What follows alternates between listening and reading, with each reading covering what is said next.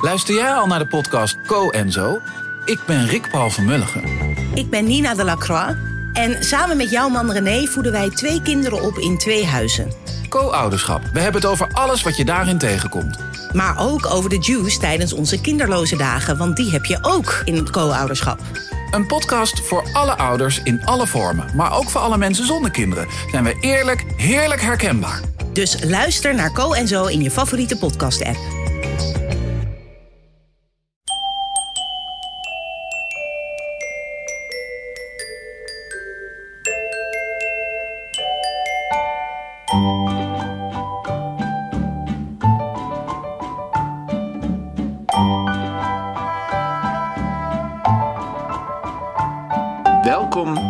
Aflevering 304 van Echt Gebeurd, de podcast waarin mensen hun eigen waargebeurde verhalen vertellen.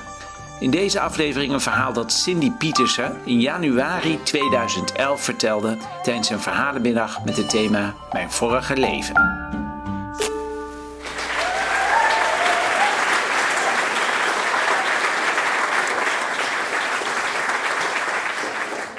Ehm, ik heb de PABO gedaan.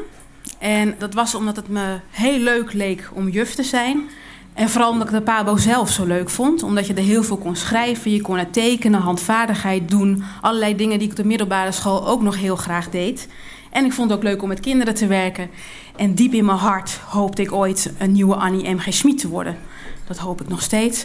En ehm, ik heb eerst uh, les gegeven in Uithoren, in een dorp uh, waar ik woonde. En toen ik naar Amsterdam ging verhuizen, dacht ik, dan ga ik ook in Amsterdam lesgeven bij een school bij mij om de hoek. Er waren er heel veel. Ik dacht, dan leer ik de buurt beter kennen. Nou, ik was nog bezig met verven en zo. Ik dacht, ik loop gewoon een school binnen.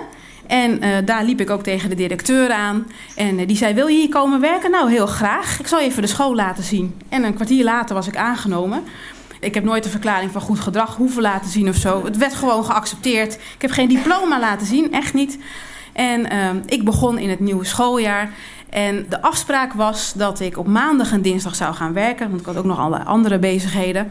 En uh, op maandag en dinsdag zou ik dan de kinderen die rechtstreeks uit het buitenland kwamen, die zou ik dan Nederlandse les geven.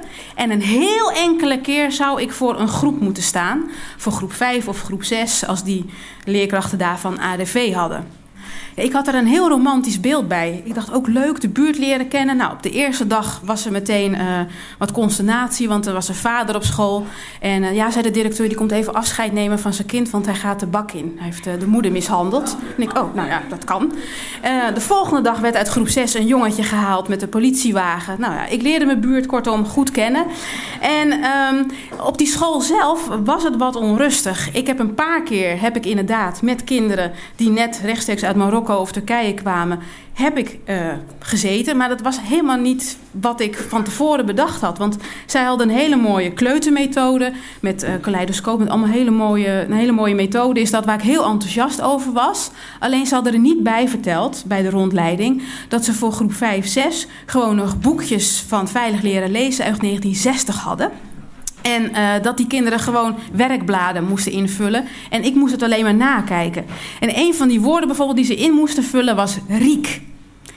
En toen ik dat zag, werd ik zo kwaad. Want A, zaten we midden in de stad. Wanneer gebruik je een riek? En dan zat je in een dorp of op het platteland. Dan had je riek ook al lang niet meer nodig. Mes leek me handiger.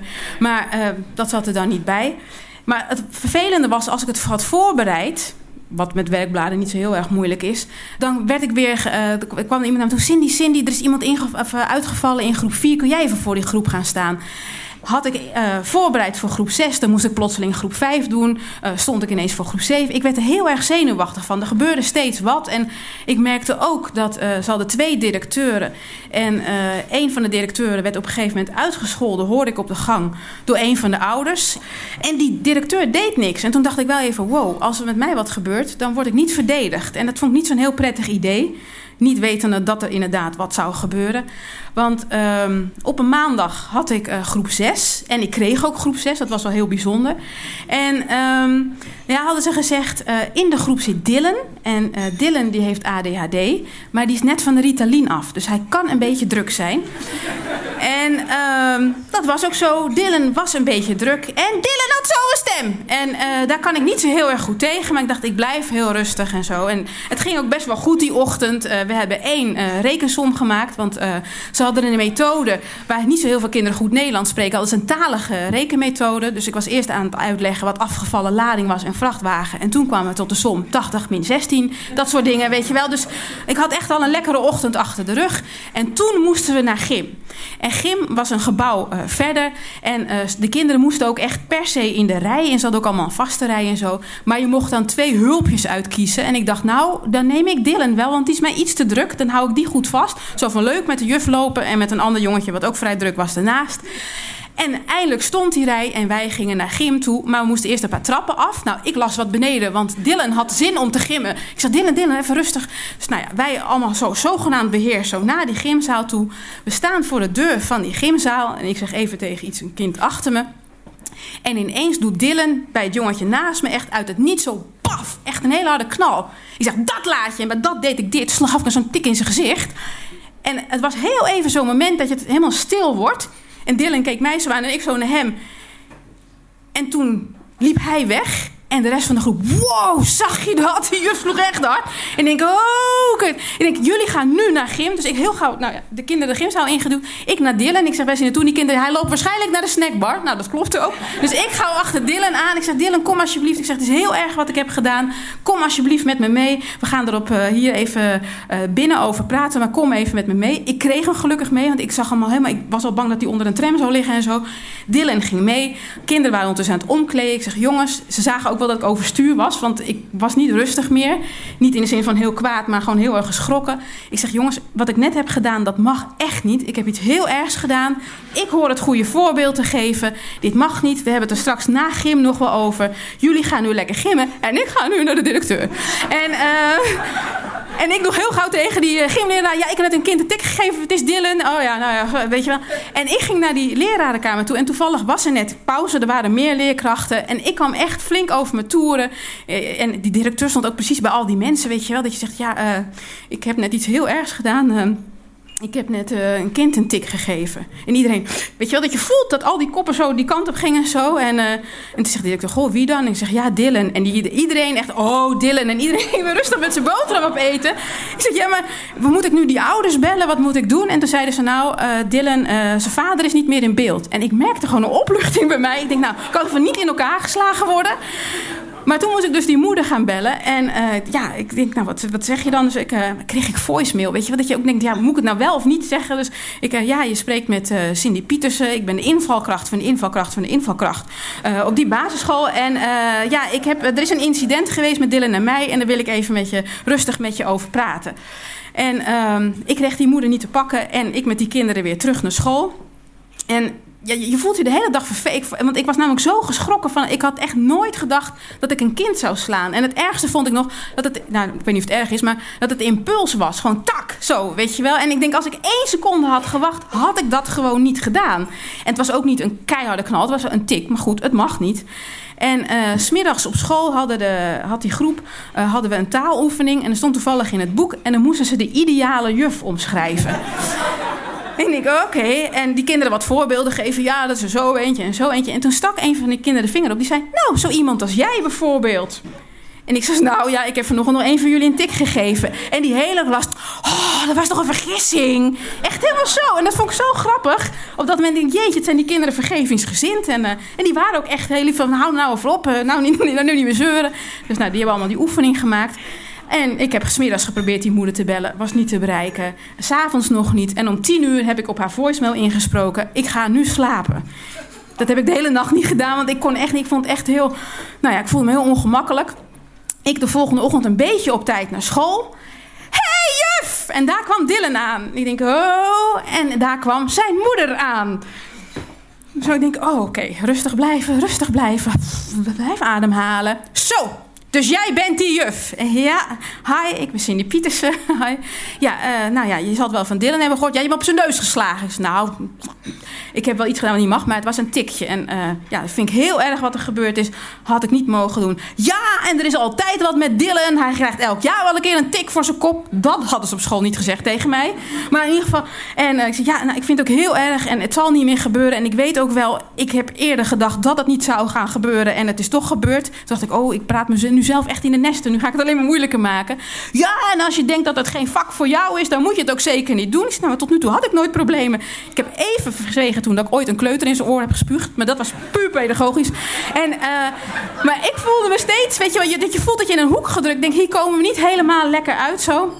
En uh, ze zei ook van, ik heb je niet teruggebeld, want ik was in staat om je door elkaar te slaan. Toen dacht ik, nou, via de telefoon kan dat volgens mij niet. Maar weet je wel, dat je iemand niet tegenspreekt, dat je denkt, oké, u bent de oude klant. Uh, en toen kwam gelukkig de directeur, die zich nooit uit laat. Die kwam, uh, de tweede directeur was dat, die kwam er gelukkig bij staan. Want die had al zo'n vermoeden dat de moeder van Dylan wel eens op de stoep kon staan. Dus die kwam er heel rustig bij staan en zo. En die heeft het eigenlijk heel goed gesust. Ik weet eerlijk gezegd niet meer goed wat hij heeft gezegd. En uh, nou ja, wij zijn daarna gewoon teruggegaan naar school. En ik moest van de directeur, moest ik nog wel... Uh, hij zegt, het gebeurt elke leerkracht een keertje... dat er iets gebeurt wat je eigenlijk niet had willen doen. En hij zegt, maar bedenk wel waarom je dat hebt gedaan. Toen dacht ik, ja, daar hoefde ik eigenlijk niet zo heel lang over na te denken. Ik, ja, ik word gewoon heel zenuwachtig op deze school... omdat er steeds dingen van mij verlangd worden die ik niet kan. Dat hele snelle inspringen. En nou ja, toen heb ik ontslag genomen... En toen moest ik het stilhouden. En niet van die klap, want dat wist iedereen inmiddels al. Maar uh, dat ik wegging. Hij zegt, wil je het alsjeblieft stilhouden? En later bleek dat ik de 25e leerkracht was in twee jaar tijd... die van die school uh, afging. Datzelfde jaar wonnen ze overigens een internationale prijs... voor meest vreedzame school. Ja, en ik heb heel lang gedacht dat ik. Uh, ik heb s'nachts nog heel vaak over gedroomd ook. Dat, ik, dat kinderen niet naar me wilden luisteren. Ik heb ze nooit met een klap gegeven in mijn droom, maar wel een soort uh, angst dat je er niet meer onder controle hebt. En ik heb ondertussen heel veel ander werk gedaan, allemaal hele leuke dingen. En ik had kunnen zeggen dat het een vorig leven is. Maar het toeval wil dat uh, de dag nadat ik was gevraagd hier of ik dit wilde vertellen, ging de telefoon van een uh, directeur van een basisschool of ik er wel eens aan had gedacht om weer in te gaan vallen. Morgen begin ik in groep 5, echt waar. Op een rustig dorpsschooltje, denk ik. Uh, ja, we ga ik uh, groep 5 lesgeven. Ik heb er eerlijk gezegd zin in. Uh, er zijn vier kinderen met ADHD. Dan denk ik, oké, even rustig. Maar dat komt, je, het, het, is wel grappig. Toen had ik namelijk allemaal hele idealistische ideeën. En had ik het gevoel dat ik alleen maar iets kan brengen. En nu kom ik eigenlijk, heel eerlijk gezegd, vooral ook iets halen. Ik bedoel, ik vind het leuk om met die kinderen te werken. Dus ik kom er gewoon voor de plezier, inspiratie. Ook voor inkomen, zeg ik heel eerlijk. En um, ja, vorige levens komen dus altijd terug. Dat wil ik maar zeggen. Alleen nu ga ik er heel veel geld aan verdienen en veel plezier aan beleven.